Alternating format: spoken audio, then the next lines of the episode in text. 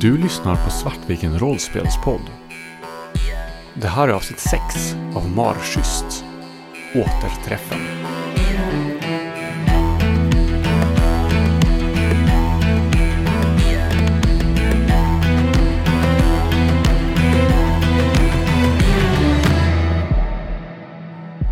Några mil utanför Uddevalla ligger ett hus. Det är ett stort, fint och modernt hus.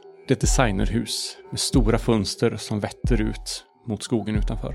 Det är ett hus som man kan hyra för konferenser, spa-resort, nätverksträffar. Det är ett hus som denna gången har hyrts av avgångsklassen 2009 vid Rydbergs gymnasiet. En bit in i skogen ligger en bastu och en pool. Huset här skär sig mot den omgivande miljön. Det tycks inte höra hemma här, utan det ger ett nästan fientligt intryck. Inuti är huset supermodernt med smart teknik för både lås, kylskåp, lampor och värme. Huset ligger ödsligt i jämförelse med närmsta samhälle. Det tar nästan en halvtimme att köra dit med bil. Åkte det hit ni anländer för klassåterträffen. Vem eller vilka av er är det som kommer först och hur kommer ni hit? Det är nog, eh, av oss, så är det nog Robin som kommer hit. Och det är min mamma som kör hit mig. Hon är ju väldigt noga med att jag ska komma tidigt och vara här i tid. Hon kanske också tycker det är skönt att bli av med dig ur huset tidigt den här lördagen. Ja, Det är ju hon som har sett till att, det, att jag går på den här träffen överhuvudtaget. Och jag tycker att jag ska återta kontakten med mina killkompisar som ändå har gjort ett namn för sig. Vi kör väl upp där i mammas Saab och hon släpper av mig på parkeringen. Jag kliver snabbt ut ur dörren och hoppas att hon inte ska följa med ut. Hon tittar knappt ens på dig. När du slår igen dörren bakom dig så slänger hon en blick som att för att kontrollera att du inte är framför bilen innan hon börjar köra iväg igen. Och jag står kvar där på parkeringen och tittar upp mot huset och drar mig ganska mycket för att gå in. Det står inga bilar än så länge på parkeringen, utan du verkar vara helt ensam. Du verkar vara först. Det är ändå skönt i sig. När jag tittat mig runt och försäkrat mig om att det inte är någon annan som jag kan råka på här som jag måste vara social med så går jag in mot entrén och hoppas kunna plocka upp mitt rumsnyckel. Ni har ju fått koden till ytterdörren som har skapats liksom för det här tillfället bara. Och när du har klickat in den och går in i huset så märker du först att alla lampor tänds när du kommer in. Det har varit helt mörkt först. Och sen ser du på ett bord en liten ask med, med nycklar till rummen. Jag blinkar till lite av att lamporna tänds. Det är ovant med så här mycket modern teknik. Det hade jag inte riktigt föreställt mig att Rydbergsskolan skulle ha råd med, men det är väl någon av mina klasskompisar som har fixat kontakterna. Och sen eh, tar jag min nyckel och går upp på rummet. Vad ser du på rummet? Hur ser det ut? Vad finns där? Det är ganska spartanskt med väldigt moderna funktioner. Lamporna här inne är också rörelsesensorer. Fläkten och allting annat styrs av en fjärrkontroll. Fjärrkontrollen är kopplad till eh, nattlampan. Jag tänker att det är en eh, dubbelsäng med varsina nattduksbord och på nattduksborden står sådana här nattlampor som vars fot också är eh, mobilladdare som man bara kan lägga mobilen på och ladda. Jag själv lägger mig bara på sängen och blundar och hoppas att den här tiden ska snart vara över. När du ligger och blundar där så hör du det bekanta pipandet av kodlåset på ytterdörren. Och du hör hur dörren öppnas, hur den stängs igen. Någon mer har kommit. Hoppas att det inte är Annie. Annie, när du kommer in i huset så är det redan tänt. Och du ser till höger om ingången så finns det ett litet bord med en box på där det står rumsnycklar. En av nycklarna är redan tagna ser du. Det är liksom eh, färdiga fack där varje nyckel ligger. In genom dörren så går jag lite grann på autopilot och jag lägger märke till alla de här små detaljerna om det, det här smarta hemmet och allt sånt där. Men jag, mina tankar är mest på eh, Charlotte som jag för en liten kort stund såg, på, såg i bistron på tåget. Och instinktivt så gjorde jag allt jag kunde för att undvika att eh, få ögonkontakt med henne eller att hon skulle se mig. Och jag har gått på helspänn hela vägen från stationen till taxin och nu från taxin upp till gården. Jag inser att det är så här, jag är rädd för att någon ska se mig. Eh, vilket känns eh, väldigt konstigt för att det är ändå en återträff jag är på väg till. Jag kommer in genom dörren och går fram till eh, lådan Var, var de här nycklarna individuella eller är det bara att ta en nyckel? Det är bara att ta nyckel. Okej, då tar jag nyckel och men istället för att gå till rummet så låter jag min packning stå kvar i hallen och går in i köket och sätter på eh, vattenkokaren. Jag hör hur vattenkokaren går igång och jag eh, börjar känna att jag måste ta mig ut ur rummet för att gå på toa. Jag hoppas att den här personen som kommit är kvar i köket så jag kan leta reda på toaletten utan att behöva möta denne. Så att jag reser mig upp från sängen, tar mig ut ur mitt rum och börjar gå ut i allmänrummet igen i jakt efter vart närmsta WC kan finnas. Och då går jag förbi köket på vägen och tittar in. Och du kan se en, eh, en eh, kvinna i kort blont hår som eh, har en, ja men en ganska proper men ändå inte, helt klart inte dyrast, dyraste, vad, är det, vad, vad kallar man det, powersuit liksom. Byxdress. Ja. Hon står och stirrar ut genom fönstret, ut mot gården från köket. Och vattenkokaren, det, jag tänker precis när du går förbi så är typ vattenkokaren klar och slår av. Jag står där och tittar och försöker fundera på vem det kan vara. Det är inte, det är inte en frisyr som jag känner igen från skolan direkt. Och personen rör sig inte så jag kan inte riktigt tolka rörelsemönstret. Jag vänder mig om och börjar gå mot vattenkokaren, eller mot eh, skåpet för att ta ner en mugg. Och i ögonvrån så ser jag hur det står någon i dörröppningen i den där, i hallen utanför köket. Åh! Jag, jag, jag, jag, jag visste, jag, förlåt, jag såg det inte. Men, eh, Robin? Annie, Jag står kvar där med den här äh, köksön eh, me- mellan oss och stirrar lite som att jag antingen vill bara vända om och springa eller gå fram och hälsa. jag har precis samma uttryck på ansiktet. Jag står där och väger.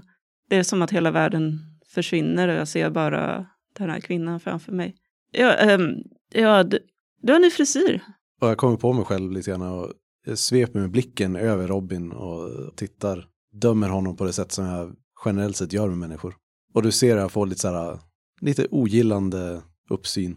Ja, tack. Den, eh, jag kände att jag behövde lite förnyelse inför, eh, inför den här återträffen. Skulle du vilja ha en kopp te? Jag går fram till eh, skåpet med muggar och plockar ner eh, två tekoppar. Ja, gärna, men jag, jag skulle egentligen... Jag, jag var på väg till... Om en liten stund. ah, okej, jag, jag förstår. Jag tar upp ena muggen så jag satte ner och ställer upp den i skåpet igen. Och så börjar jag hälla upp tevatten och börjar på att leta genom skåpen efter standardsortimentet med tråkiga teer som alla sådana här ställen har. Och jag försvinner bort mot eh, badrummen, stänger dörren, lutar mig mot väggen. Snyggt Robin. Nu har vi inte setts på hur länge som helst och jag står där och mumlar. Vad håller jag på med egentligen Robin? Skärp dig nu. Det är bara Annie. Ja, jag uträttar mina behov och sen så sköljer jag händerna och sköljer av ansiktet som för att vakna till. Det är bara Annie. Medan jag står där och tar fram tepåsen för att stoppa ner muggen så bara susar det i mitt huvud och det här, det här sortens sus som är som ett ihållande skrik. Inga andra tankar kommer till mig, utan det är bara, bara lågmäld förtryckt panik. När Robin kommer tillbaka till köket igen så, så är inte, så är inte Annie kvar där. Det är en lättnad för mig. Och jag tar min, tar en egen kopp te och tar upp den på rummet. Vad far genom Elias huvud när du stiger av tåget i Uddevalla och ser din gamla hemstad? Elias är ganska spänd, men inte så mycket inför klassåterträffen. Han har ju ändå lyckats med eh, det man ska lyckas med här i livet. Han vet att eh, han, skulle, han kommer kunna glida med under den här helgen med minimum av, av ansträngning. Däremot så äh, hänger ju både Annette och Yoshiko lite som äh, ett mörkt moln över hela tillställningen. Jag försöker att inte tänka på det. Annette ska jag ju ta efter helgen och det är ingen idé att grubbla över det nu. Så jag går och plockar ut min eh, hyrbil som jag har förbokat och eh, ser till att plocka upp en kaffe på Pressbyrån. Och sen så, eh, har rättat till håret lite i backspegeln och knappar in eh, adressen i eh, navigatorn. Och det är ju ungefär 45 minuters bilfärd ut. Jag sätter på, jag lyssnar precis nu på en eh, ljudbok om Manson och familjen där i, i Kalifornien. Så att jag kopplar upp min mobil med bluetooth och börjar lyssna från där jag slutade på tåget. När jag kör där på de här små mindre landsvägarna så översköljs jag av den här, det bekanta i det. Det här är ändå det ställe där jag har vuxit upp. Jag känner till de här vägarna. Jag har eh, åkt dem många gånger. Och jag slås av hur enkelt det hade varit att bara inte svänga när vägen svänger. Och jag är lite så här förlorar mig i den tanken. Varenda gång det kommer en sån liten kurva i vägen så tänker jag, men tänk om. Tänk om jag bara inte gör någonting. Mina bilar åker av vägen hela tiden. Jag skulle kunna göra det nu också. Och eh, jag förlorar mig så pass mycket i de tankarna att så här, jag missar stora delar av vad de säger på ljudboken. Så jag, jag kommer på mig själv hela tiden att jag måste spola tillbaks och använda den här funktionen, du vet, man 15 sekunder bakåt hela tiden. För att eh, jag märker liksom att mina tankar tar mig någon annanstans. Tills jag kommer fram till den här konferensanläggningen. Och när du börjar köra in i skogen så ser du att vägen kantas av träd. Och i varje kurva så finns de här tjocka träden som nästan verkar locka på dig, kalla på dig. Kom till mig, kom till mig, kom till mig. Det är ändå inte en dålig död. Jag tror inte det hade gjort så ont. Jag tror det hade gått ganska fort. Jag menar, ett ögonblick och sen så är det över. Men istället kommer du fram till huset. Det går en stund och sen hör ni återigen blippanden ner från ytterdörren. Dörren öppnas och någon stiger in. När du kommer in Elias så ser du också du den här boxen med nycklarna. Du kan se att det finns två nycklar som redan är tagna. Du verkar vara den tredje personen på plats. Det är nog ganska skönt. Jag är glad att jag tog det här tidiga tåget. Det var ju givetvis eh, en stor del tack vare Rickard. Han brukar vara ganska ordentlig med sådana saker. Och Det kanske är han som bokade tåget åt dig till och med. ja, det är mycket möjligt att han gjorde. Och tyckte att jag skulle ta det tidigare då, för då behövde jag inte stressa och om det skulle bli förseningar så gjorde det inte så mycket. Och det känns ganska skönt. Då kommer jag ha gott om tid att, att kunna slappna av och liksom landa lite innan resten anländer. Så jag går fram och, och plockar ett, en nyckel. Jag har en sån här liten rullväska, du vet, som är för kanske kortare övernattningar.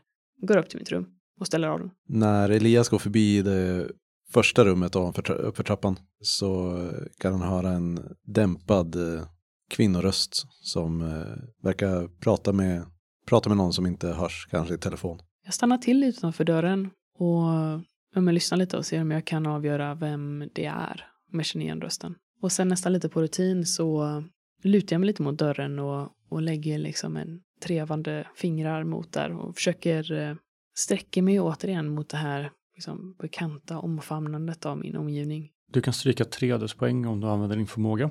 Och Christer kan berätta vad det är Elias känner för sinnesstämning och känslor och, och så från Annie. Du kan känna en eh, stress och rädsla för att det ska bli fel. Det är väl det som lite genomsyrar Annie i, i den här situationen. Kanske även en viss lättnad kopplad till personen som, eh, som hon pratar med. Är det en stress som är nära typ alltså panik eller är det alltså hur, hur Eh, stressad är du? Kanske inte nära till att bryta ut men väldigt stark under ytan.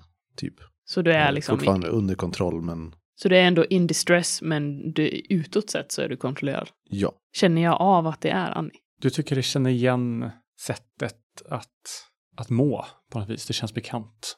Som att men du, du kan nog lista ut att det är Annie i alla fall. Ja, för jag tänker att det är nog kanske inte första gången som jag, nu låter det lite fel, men som jag känner på Annie.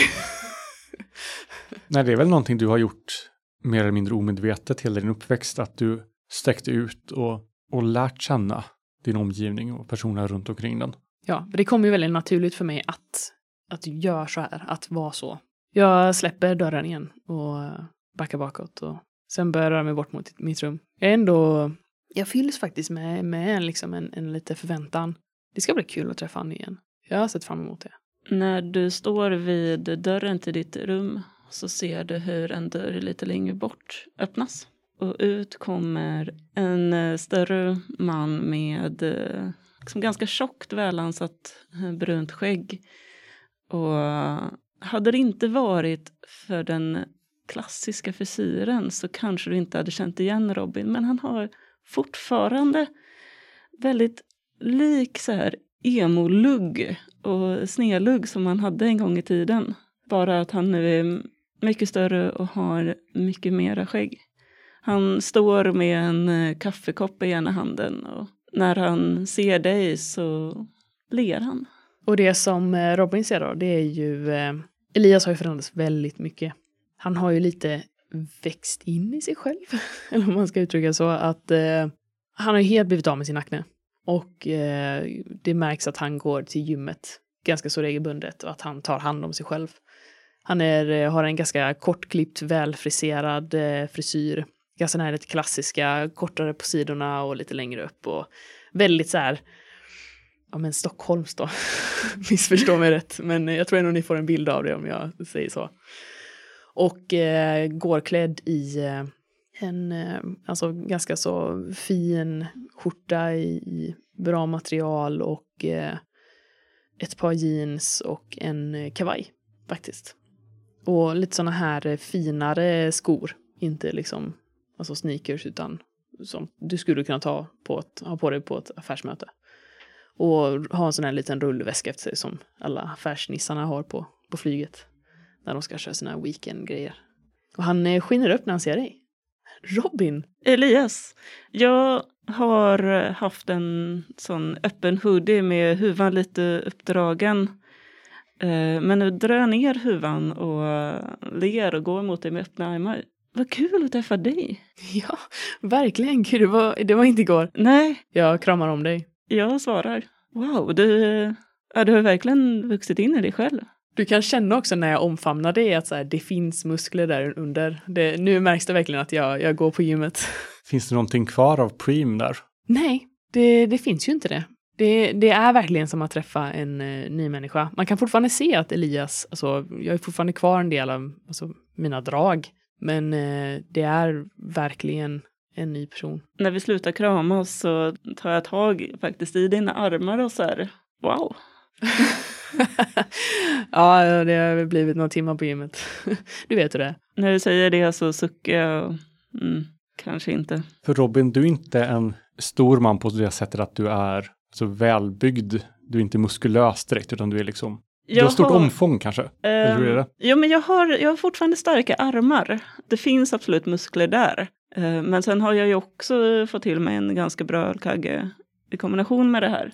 Men mitt jobb gör ju ändå att jag får ha ganska mycket tunga lyft. Om man skulle lyfta på våra tröjor och titta på våra olika magar så hade man nog lätt sett skillnaden. Och man kanske inte anar hur mycket muskler jag har under, men det finns absolut där. Ja, för att vara riktigt ärlig så är det väl mest en, eh, en ursäkt att få komma från jobbet på lunchen. Ja, vad, vad gör du nu? Ja, jag, eh, jag utvecklar. Jag sitter på, eh, på Spotify. Uppe i Stockholm då. Så, att, så kod. jag skriver kod. Ha. Du då? Ja, jag, jag jobbar med människor. Vad kul. Jag är här tillbaka i, i Uddevalla nu. Vad skönt. Det måste ju din mamma tycka är jätte, jätteskönt att ha dig så nära. När du nämnde min mamma så vände jag verkligen ner i blicken. Och, mm. Men jag kan verkligen tänka mig att, det, det, att du funkar väldigt bra med att jobba med människor, Robin. Men du har alltid haft ett så, så lättsamt sätt. Jag menar, jag kommer verkligen ihåg det med dig i gymnasiet, att så här, du visste ju alltid rätt sak att säga. Mm. Det känns verkligen som att du eh, hamnat rätt då. Jag tittar ner i min kaffekopp. Du, eh, jag ska bara lämna in min eh, väska här. Jag tänkte, men jag, jag skulle jättegärna också vilja ha en sån här. Du kanske kan visa mig vad, vad det finns? Jag nickar. Jag går och lämnar in min, eh, ställer av den inne på rummet och hänger av med min kavaj och kommer ut igen. När jag ser det igen så nickar jag, lyfter på blicken och visar det ner i köket. Potentiellt eh, så kanske jag ändå har läst av lite att du blev obekväm när jag pratade om det, eller? Mm, absolut. Är det liksom relativt öppet? Det är nog ganska öppet. Det är ingenting jag försöker dölja. Nej, för Elias har ju ändå också, jag är ju ganska, upp, jag är ju väldigt uppmärksam. Eh, Har du psykologi också eller? Ja, Ja, jag då, har två i psykologi. Ja, då märkte du det helt klart. Då slutar jag ju lite pusha på det utan så här. Gud, alltså det här huset, det är ju hur high tech som helst. Helt sjukt. Jag tror det inte Rydbergsgården hade så mycket pengar. Måste vara någon som har kontakter någonstans, eller? Ja, precis. Det var- just så jag tänkte faktiskt. Har, har du sett det här då? Okej Google. Starta spisen. Och spisen Wow. startar. Eller ni kanske har mycket av det här i Stockholm nu för tiden. Jag har hört att det är ganska modernt. Ja, alltså vi, vi har faktiskt en Alexa. Eh, det måste jag ju medge. Men eh, det är ju mest för att jag tycker det är lite kul och, och så här och laborera lite med. Och sen min pojkvän då, Rickard, han, eh, han tycker det är ganska kul med sådana grejer också. Så att, då blir det ju lätt att man kanske nördar in sig lite. Uh, Rickard, vem, uh, hur träffade du honom? Eh, åh, ehm, jag plockar upp en kaffekopp där och liksom börjar göra det. Nej, men han, eh, han jobbar också på Spotify. Han är projektledare då. Så att eh, vi träffades faktiskt eh, på jobbet. Det var, ja, så här typisk, typisk berättelse egentligen. Inne i, i lunchrummet om du kan tro det. Ja, Men ja, nej, så att vi, vi har hängt ihop ett tag nu faktiskt. ja, hur, hur länge då? Ja, det måste väl vara ja, fem år kanske. Ni hör en bil köra upp på grusgången utanför. Jag fasas återigen över vem det är som kan komma. Vart ändå lättad av att träffa Elias. Han, eh, han var aldrig för mer på något sätt. Det var aldrig så att jag behövde prestera mot honom. Nej, och, det, och det kan du också notera nu så här att, att eh, han är ganska följsam i vad du säger. Om Mm. du drar ett skämt så skrattar han åt det. Om eh, han märker att någonting verkar jobbigt så then he backs off. Och, eh, och han är väldigt noga med liksom att, så här, att inte prata upp grejer. Utanför ytterdörren så hör ni plötsligt två personer som pratar. Nej, vadå? Jag trodde du hade koden. Jag hade inte koden. Du skulle ta koden. Ja, men hur fan ska jag komma in nu då? Jag, vi får väl stå här och vänta tills någon annan... Men kolla mejlen igen. Men jag har kollat mejlen. Det ligger ingenting där. De tjattrar på för fullt där ute. Jag rullar ögonen. Jag känner igen de här rösterna från radion. Tittar på Elias, Matte och Tobbe.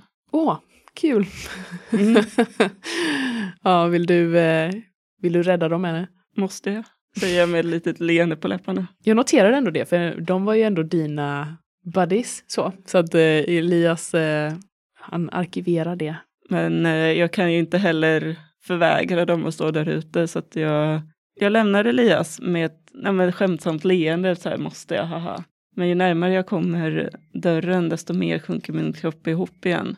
Och jag tar ett djupt andetag innan jag öppnar. Och utanför dörren ser du dina två gamla kamrater. De tittar upp på dig och det är som att du såg dem alldeles nyligen. De ser ut som de gjorde då. Men du har också sett dem på tv, i tidningar och sånt där de senaste tio åren. Så de känns konstigt bekanta på något vis. Någon blandning mellan gammal bekantskap och en kändis. Hur kända är de? Har liksom vi andra också sett dem på tv? Och De är rätt eller? kända. Vad gör de? De är komikerduo. De spelar musik och skämtar och sådär. De är på uppgång men de är inte liksom där än. De har inte slagit igenom. Om man skulle ta det lite, lite Filip och Fredrik. Ja, men lite så, fast med mer, mer musik. Det är mycket, alltså, med humor i roliga låtar och, och sånt. Och de tittar upp mot dig och utbrister. Nämen, är det, är det Robin? De vänder sig mot varandra. Det måste vara Robin, va? Ja, det är Robin. Jag trodde väl att det var ni. Äh, fan vad kul. Ja, k- kom in. Natte går fram för att krama om dig och precis innan han gör det så klappar han till på magen. Har du sett det här? Fan, jag gillar rediga män. Och sen går han förbi dig in i, in i huset. Jag är på väg att vända mig om när jag märker att han kommer om mig och det är nästan så att jag svarar den här kramen tills jag får ja, klappen på magen. Och sen st- står jag stilla kvar där medan de försvinner in och går långsamt efter dem efter att jag stängt dörren. Ja men fan vilket coolt hus. Ja, här kan vi bygga upp lite scen sen och kan vi, kan vi uppträda. Men du, Robin, vi, vi har inte sett till dig i branschen på länge. Vi räknade med att du skulle slå igenom. Vad fan hände? Det finns bättre saker att göra. Nu verkar det gå bra för er. Äh, Det funkar. Men vad säger du? Vi har med oss instrument. Vi kan slå upp en scen. Vi har till och med lite eh, högtalare och grejer. Vi kan... Fan, vi, vi kör ikväll va? Efter bastun så, så kör vi. Jag är mer nyfiken på att höra era nya låtar. Men vi har med oss ackord till dem. Du kan vara med. Vi får se vad som händer. Jag fortsätter in eh, och ställer mig bredvid Elias och tar en med min kopp kaffe. Jag kanske fyller på din när du kommer in. Ser på dig att det kanske är lite jobbigt. Annie, du hör ju nerifrån nu att det börjar bli mer och fler och fler röster och, och ett mer högljutt samtalsklimat. Stannar du kvar på rummet fortfarande eller går du neråt?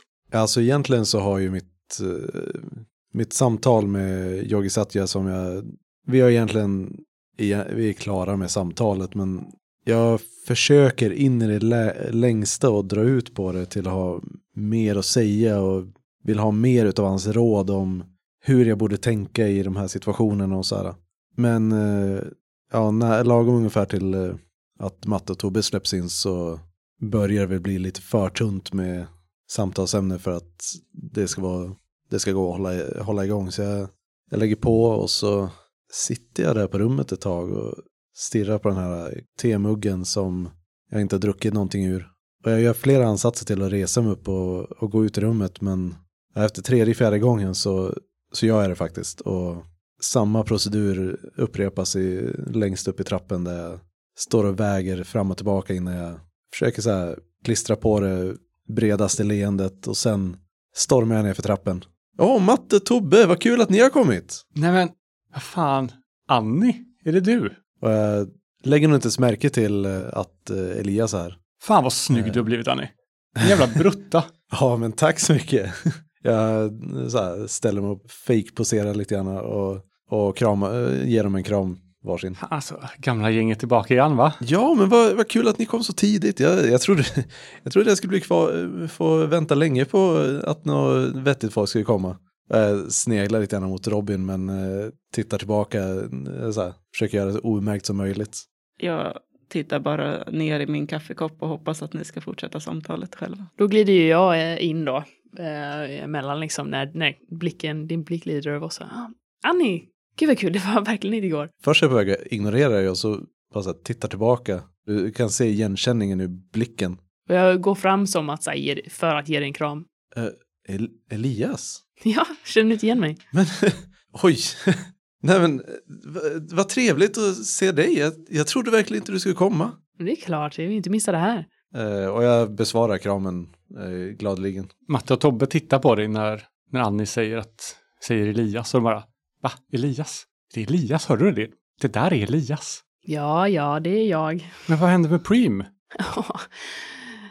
ja, Preem har jag väl kanske inte varit sedan gymnasiet. Fan, nej, vi trodde att vi hade hyrt in någon, någon snygg strippa eller något här för att, för att fixa till kvällen lite, men fan, det är ju Preem. Ja, ja, jag gör lite så här, bugar lite. Det är in the flesh. Fan vad kul. Äh, Det ska bli så jävla härligt.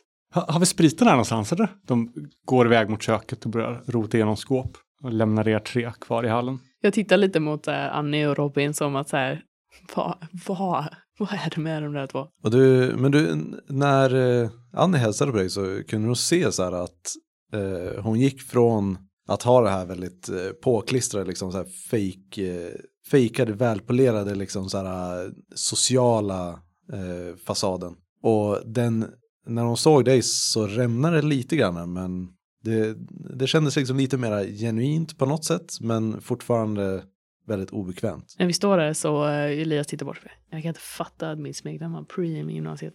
Jag tittar ner i marken och skruvar lite obekvämt på mig. Inte en av dina bästa idéer, säger jag till Robin, fast lite skämtsamt och, och klappar lite på ryggen som att så här, det är okej. Men alltså typ att vi kan skratta åt det nu. Jag väcks nästan till av att någon pratar med mig. Nej, det passar ju verkligen inte dig nu. nej. nej, nej, det är väl sant.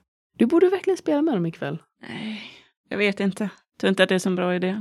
Men sp- visst spelade du lite? Åtminstone uppmuntrar jag ju alltid till att spela. Jag? Jag var ju helt värdelös. Men med tanke på hur mycket bättre du blivit på allt annat sen ja, Ja, dess. inte gitarrspel, jag kan garantera dig det. Men kom igen, hade det inte varit lite kul? Jag blir tyst. Jag tittar upp när jag pratar med dig och så har jag dig mellan mig och Annie. Och när jag kommer på mig själv med att le lite för mycket och ser Annie bakom dig så är det som att jag går ner i en bubbla igen. Du kan ju se det som din medmänskliga plikt så att vi, jag och Annie slipper lyssna på gestikulera in mot Mattias och Tobbe hela, hela kvällen. De står och fake-bråkar om ett kaffepaket.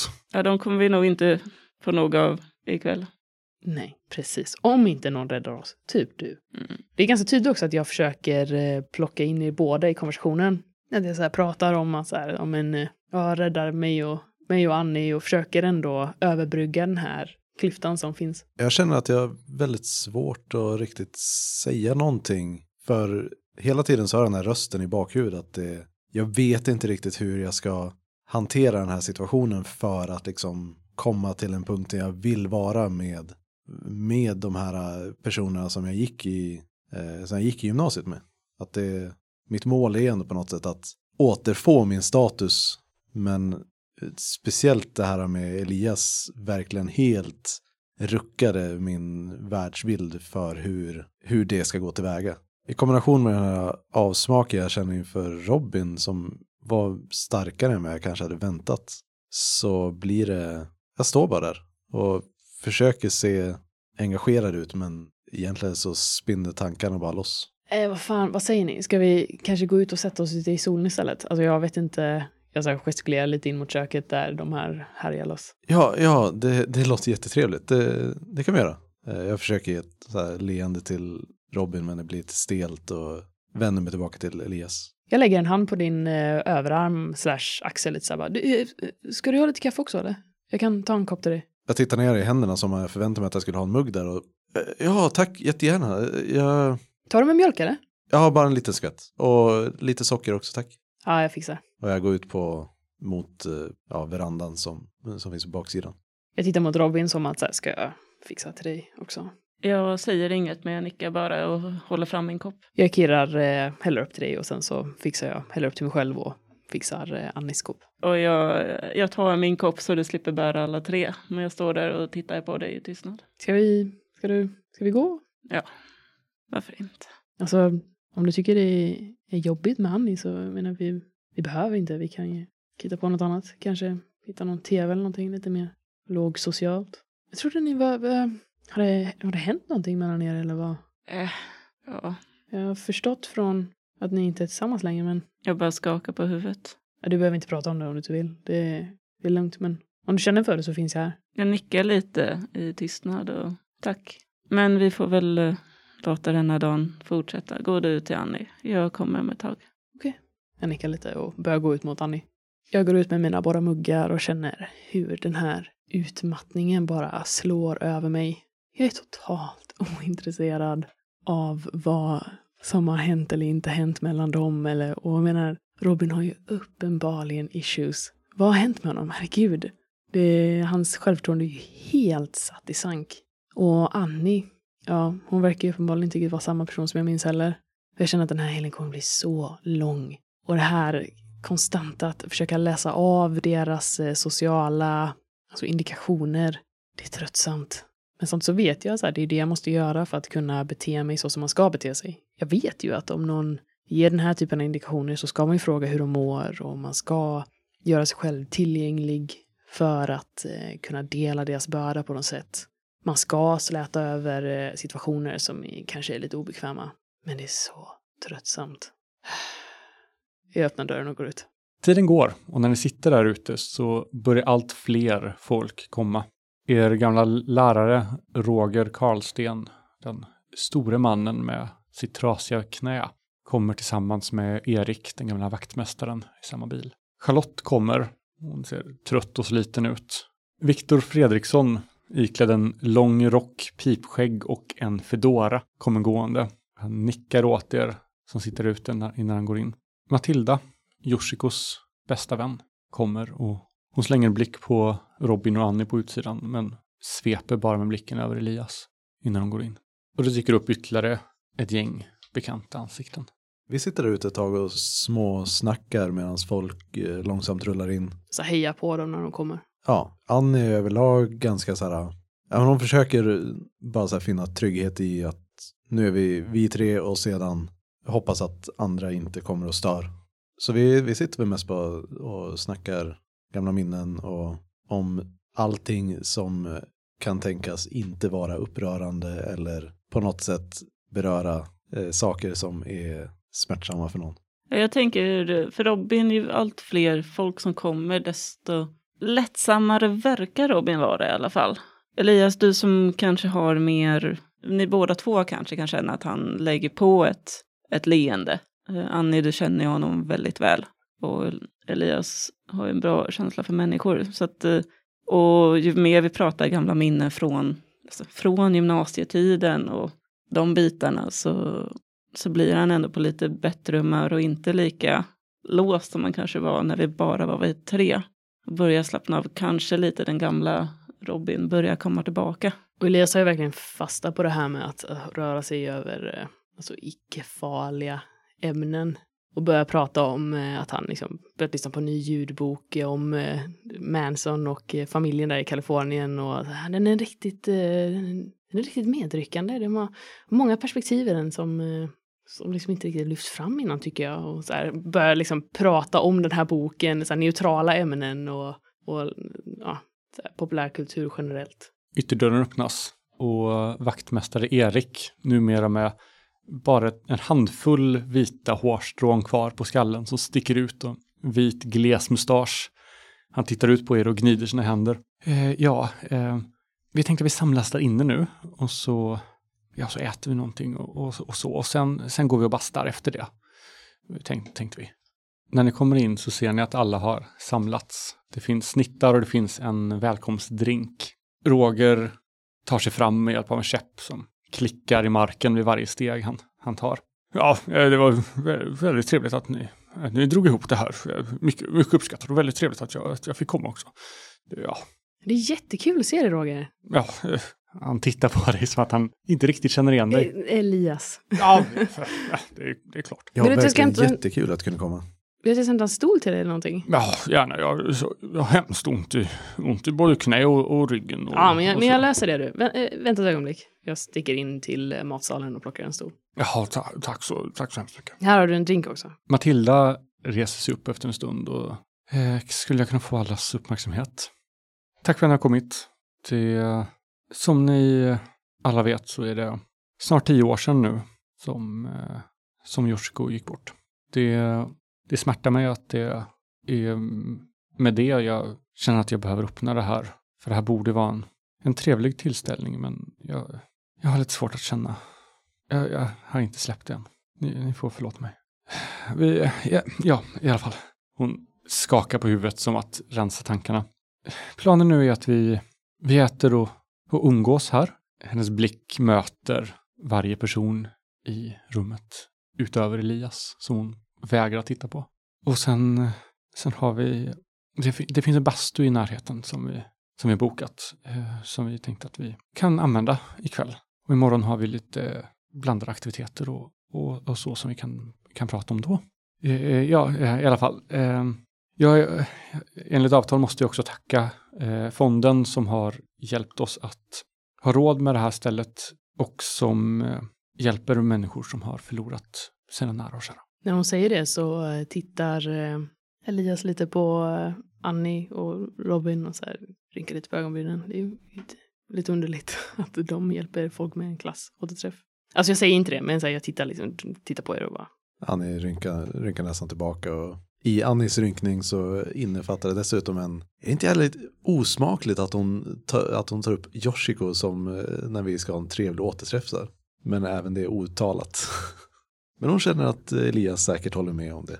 Eh, Robin tror att eh, båda två känner som honom, att eh, det är väldigt jobbigt att eh, minnena från Yoshiko tas upp och att eh, en viss skam över det som hände, att det var att de tittar på varandra betyder ju att så här, det var vi tre som var där. Jag läser inte av någon slags nedlåtande i era blickar. Så eh, skål och, och välkomna. skål. Skål. Skål. Nu, nu har vi trevligt. Stämningen är död. Och i den här dämpade stämningen så hör ni plötsligt en röst som säger Så ska vi börja bygga den här scenen eller? Matt och Tobbe ger sig omedelbart ut till deras skåpbil som de har med sig och börjar släpa in delar för att bygga scenen. De flesta andra tittar mest på dem med lite trött blick. Elias lutar sig nära Robin så att eh, det han säger bara kan höras av dem. Oss. Och när vi eh, står där liksom och minglar och man går runt och pratar med folk, då kan eh, alltså Annie och Robin lägga märke till att Elias rör sig ju väldigt effortlessly runt. Liksom pratar, skrattar och i sin eh, fancy skjorta och sin snygga frisyr så ser det verkligen ut som att han ändå hör hemma på sådana här tillställningar. Robin ser sin chans att på sätt och vis slippa prata med folk och istället få jobba fysiskt. Så han hugger faktiskt i och hjälper Matte och Tobbe att bygga den här scenen. Och kanske faller in lite i deras, deras skämtande och jargong. Och för en liten stund så är det som att du är en i gänget. Det var ju det här de erbjöd dig att vara en del av för länge sedan. Då du trodde att du skulle ha större lycka och framgång på egen hand och tackade nej. Och det känns för en liten stund ganska skönt. Åtminstone så länge jag har någonting i händerna. Och när eh, Annie är frånkopplad från, eller har klivit upp från bordet så eh, söker hon sig till eh, Charlotte. De, eh, hon står väl och pratar med någon annan från klassen och Annie kommer upp vid sidan. Och, Charlotte, vad trevligt att träffas. Det var, det var ju evigheter sedan. Hon vänder sig mot dig med, du kan se att hon har tunga påsar under ögonen och hon ser väldigt trött och sliten ut. Annie, hej! Hon går fram för att krama om dig. Och jag gör en så här enhandskram eh, kram med, jag har väl en eh, välkomstdrinken fortfarande i ena handen. Hon klappar dig lite på ryggen med fingrarna. Hur är, hur är läget? Det ser bra ut. Ja, men det, det är fantastiskt. Det är, nej, men jag, jag trivs så bra med livet just nu. Det, det är verkligen perfekt och, och det är så fint att få komma hit och träffa alla, alla er, alltså de människor som verkligen betydde så mycket för mig i början av min, eh, mitt liv. Ja, men det är väl det. Jag vill, jag vill bara tacka er allihopa för att ni är så fantastiska människor. Så, eh, ja, men eh, jag kommer ihåg alla, alla roliga, fantastiska fester som vi var på under gymnasietiden. Och det, ja men, ja men du är så fin människa Charlotte. Jag, jag vet inte vad jag ska säga. Tack, tack så mycket. Vart är, vart är Lina förresten? Ja, Hon kunde inte komma. Eh, Nej. Hon hade lite mycket att göra. Men kanske, kanske nästa gång. ja, jag förstår. Sen så försöker jag mest bara så här, få igång liksom väldigt ytliga, glada samtal med, med eh, Charlotte och de hon stod och pratade med. Hon eh, berättar en inte helt upplyftande historia om sina tvillingar med kolik och verkar inte riktigt kunna släppa hur synd det är om henne. Varje gång så försöker Annie bara så vända dis- diskussionen till eh, någon, eh, någon rolig händelse på någon fest i gymnasiet eller någonting så här. Utifrån så kan man säkert se att Annie blir, han blir mer och mer obekväm och liksom mindre, eller ly- mindre lyckas sämre att eh, hålla uppe den här minen av munterhet i alla fall. Charlotte verkar vara lite av ett svart hål där all glädje dör när man kommer i närheten av henne just nu. Jag står och pratar med eh, Viktor och diskuterar, eller snarare lyssnar på när han diskuterar jazzscenen i Stockholm och känner det här champagneglaset i handen. Jag har i princip druckit upp det. Det skulle vara ganska lätt för mig att bara knyta handen och krossa det så att det blir skärvor av det. Och jag kommer på mig själv med att zona ut när han pratar. Så jag är ju tillräckligt stor vana för att veta när jag ska nicka och när jag ska, mm, det, det låter intressant, oj, berätta mer. Men eh, blicken faller hela, hela tiden på hans hals. Den, eh, det skulle vara så lätt att bara ta en av de här glasskärvorna och, och trycka in den där. Det skulle gå så fort så att ingen skulle nog hinna reagera. Jag skulle nog potentiellt kunna hinna ta mig till dörren också. Men ja, och sen så ryckas, rycks jag tillbaks i, i nuet och, och mm, ja, jo, det, det där låter intressant. Eh, Berätta mer. Efter ett tags minglande och eh, en hel del stök med att få ordning på den här scenen som inte blir färdig till nästa schemalagda punkt så är det dags att börja dra sig bort mot bastun. Följer alla med bort till bastun? Ja, Ja. Mm, Jag försöker undvika det. Faktiskt. potentiellt så går jag nog förbi ditt eh, rum då innan jag går bort Mm. och så här knackar på. Robin, Jag kniper med ögonen. Jag och öppnar dörren. Ja, Elias? tänkte gå till bastun nu. Ska du inte, ska du inte följa med? Det är inte riktigt min grej. Det är ju bara varmt och svettigt. Och... Det kan väl vara lite skönt. Kan jag bada i poolen sen? Jag lovar, det kommer inte vara helt fruktansvärt. Ett litet leende spricker på mina läppar. Okej, om du är där. Men jag kommer alldeles strax. Mm, ja, men jag, jag kan vänta på dig så kan vi gå bort tillsammans. Jag, har, eh, jag slänger ihop mina, en packning med bastukläder och beger mig ut till dig. Jag har ju återigen på mig min eh, kavaj för att eh, det börjar ändå bli lite kväll och lite kyligare så. Och en liten bylte med handduk och kläder under armen. Jag har lite så här försökt att mygla mig in i Charlottes eh, lilla kompisgäng och ja men allt eftersom kvällen går så har jag lite så här försökt att socialt manövrera ut Charlotte för att eh, hon är en jävla downer och jag behöver bara liksom ett gäng som eh, jag kan hänga med. Så eh, de eh, går jag med till eh, bastun. Bastun är en lite äldre stuga en bit in i skogen. Den verkar ha varit ett äldre bostadshus som blåsts ut invändigt för att byggas om till bastu. Utsidan har dock behållits. Byggnaden har troligtvis legat där i många år och den utgjorde tidigare sannolikt boplatsen på tomten. Utanför bastun finns nu en nybyggd pool och i vattnet finns lampor som lyser upp poolen och området däromkring. Det är ju maj och även om temperaturen i vattnet vanligtvis inte är varmt nog än för att bada ordentligt så är det här en uppvärmd pool. Skogen ni behöver gå igenom för att komma till bastun är mörk och gammal. Mörkret mellan träden ser nästan kompakt ut, som att det vore en fysisk entitet som går att ta på. När ni tittar bakåt mot huset kan ni ana några enstaka lampor från bostadshuset, som ensamma stjärnor på den annars kolsvarta himlen. När man kommer in i bastun så finns det en dörr åt höger och en åt vänster in till två omklädningsrum. Och från de omklädningsrummen går man in till en gemensam bastulokal. Och nu när vi sitter i bastun så blir det ju väldigt uppenbart också hur vältränad Elias är. Han har utvecklats till att bli en väldigt snygg man. Och det märks att Robin är väldigt obekväm med sin kropp. Han eh, har, eh, kommer in och sätter sig på en handduk och har en annan handduk som hänger över axlarna. Så att det lite i alla fall ska, ska dölja hur han ser ut nu jämfört med förut. Han sätter sig, sätter sig direkt innanför dörren och vill inte gå förbi folk. Och tittar bort mot Elias. Annas kropp är ganska, eh, den är inte så anmärkningsvärd. Det är, det är tydligt att hon, eh, att hon anstränger sig för att eh, hennes kropp ska må bra men inte, inte så att hon är jättefitt eller eh, musklig eller någonting sådär utan ganska alldagligt så här väl, välskött kropp. När alla samlas i bastun så börjar Viktor prata. Viktor, den tidigare och nuvarande jazznörden, han eh, är numera gift med Denise Falk, en av Sveriges på senaste tid största musikexporter. Medan Viktor fortfarande pratar om vikten att vara, vara självständig och, och göra det man brinner för och inte bli en sellout så har han gift sig med den kanske största sellouten i modern tid. Denise Falk gör glättig pop med trallvänliga melodier och lättglömda texter.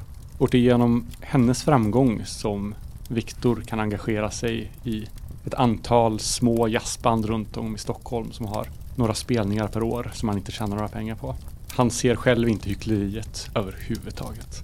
Han sitter med i bastun med en handduk över, eh, över nederkroppen bakåtlutad medan han predikar om att alla som inte sysslar med, med det de drömmer om eller eftersträvar att uppnå sin dröm de är sellouts och, och misslyckade. Det är en skam att i Sverige i den här moderna tiden inte eftersträva att, att uppfylla sina drömmar. Varje persons skyldighet att, att sträva efter det om de har möjlighet. Det är antagligen exakt samma predikan han drog för mig under minglet. Sannolikt. Och ju längre han sitter där och pratar i sin eh, monolog så börjar eh, Robins ben att skaka.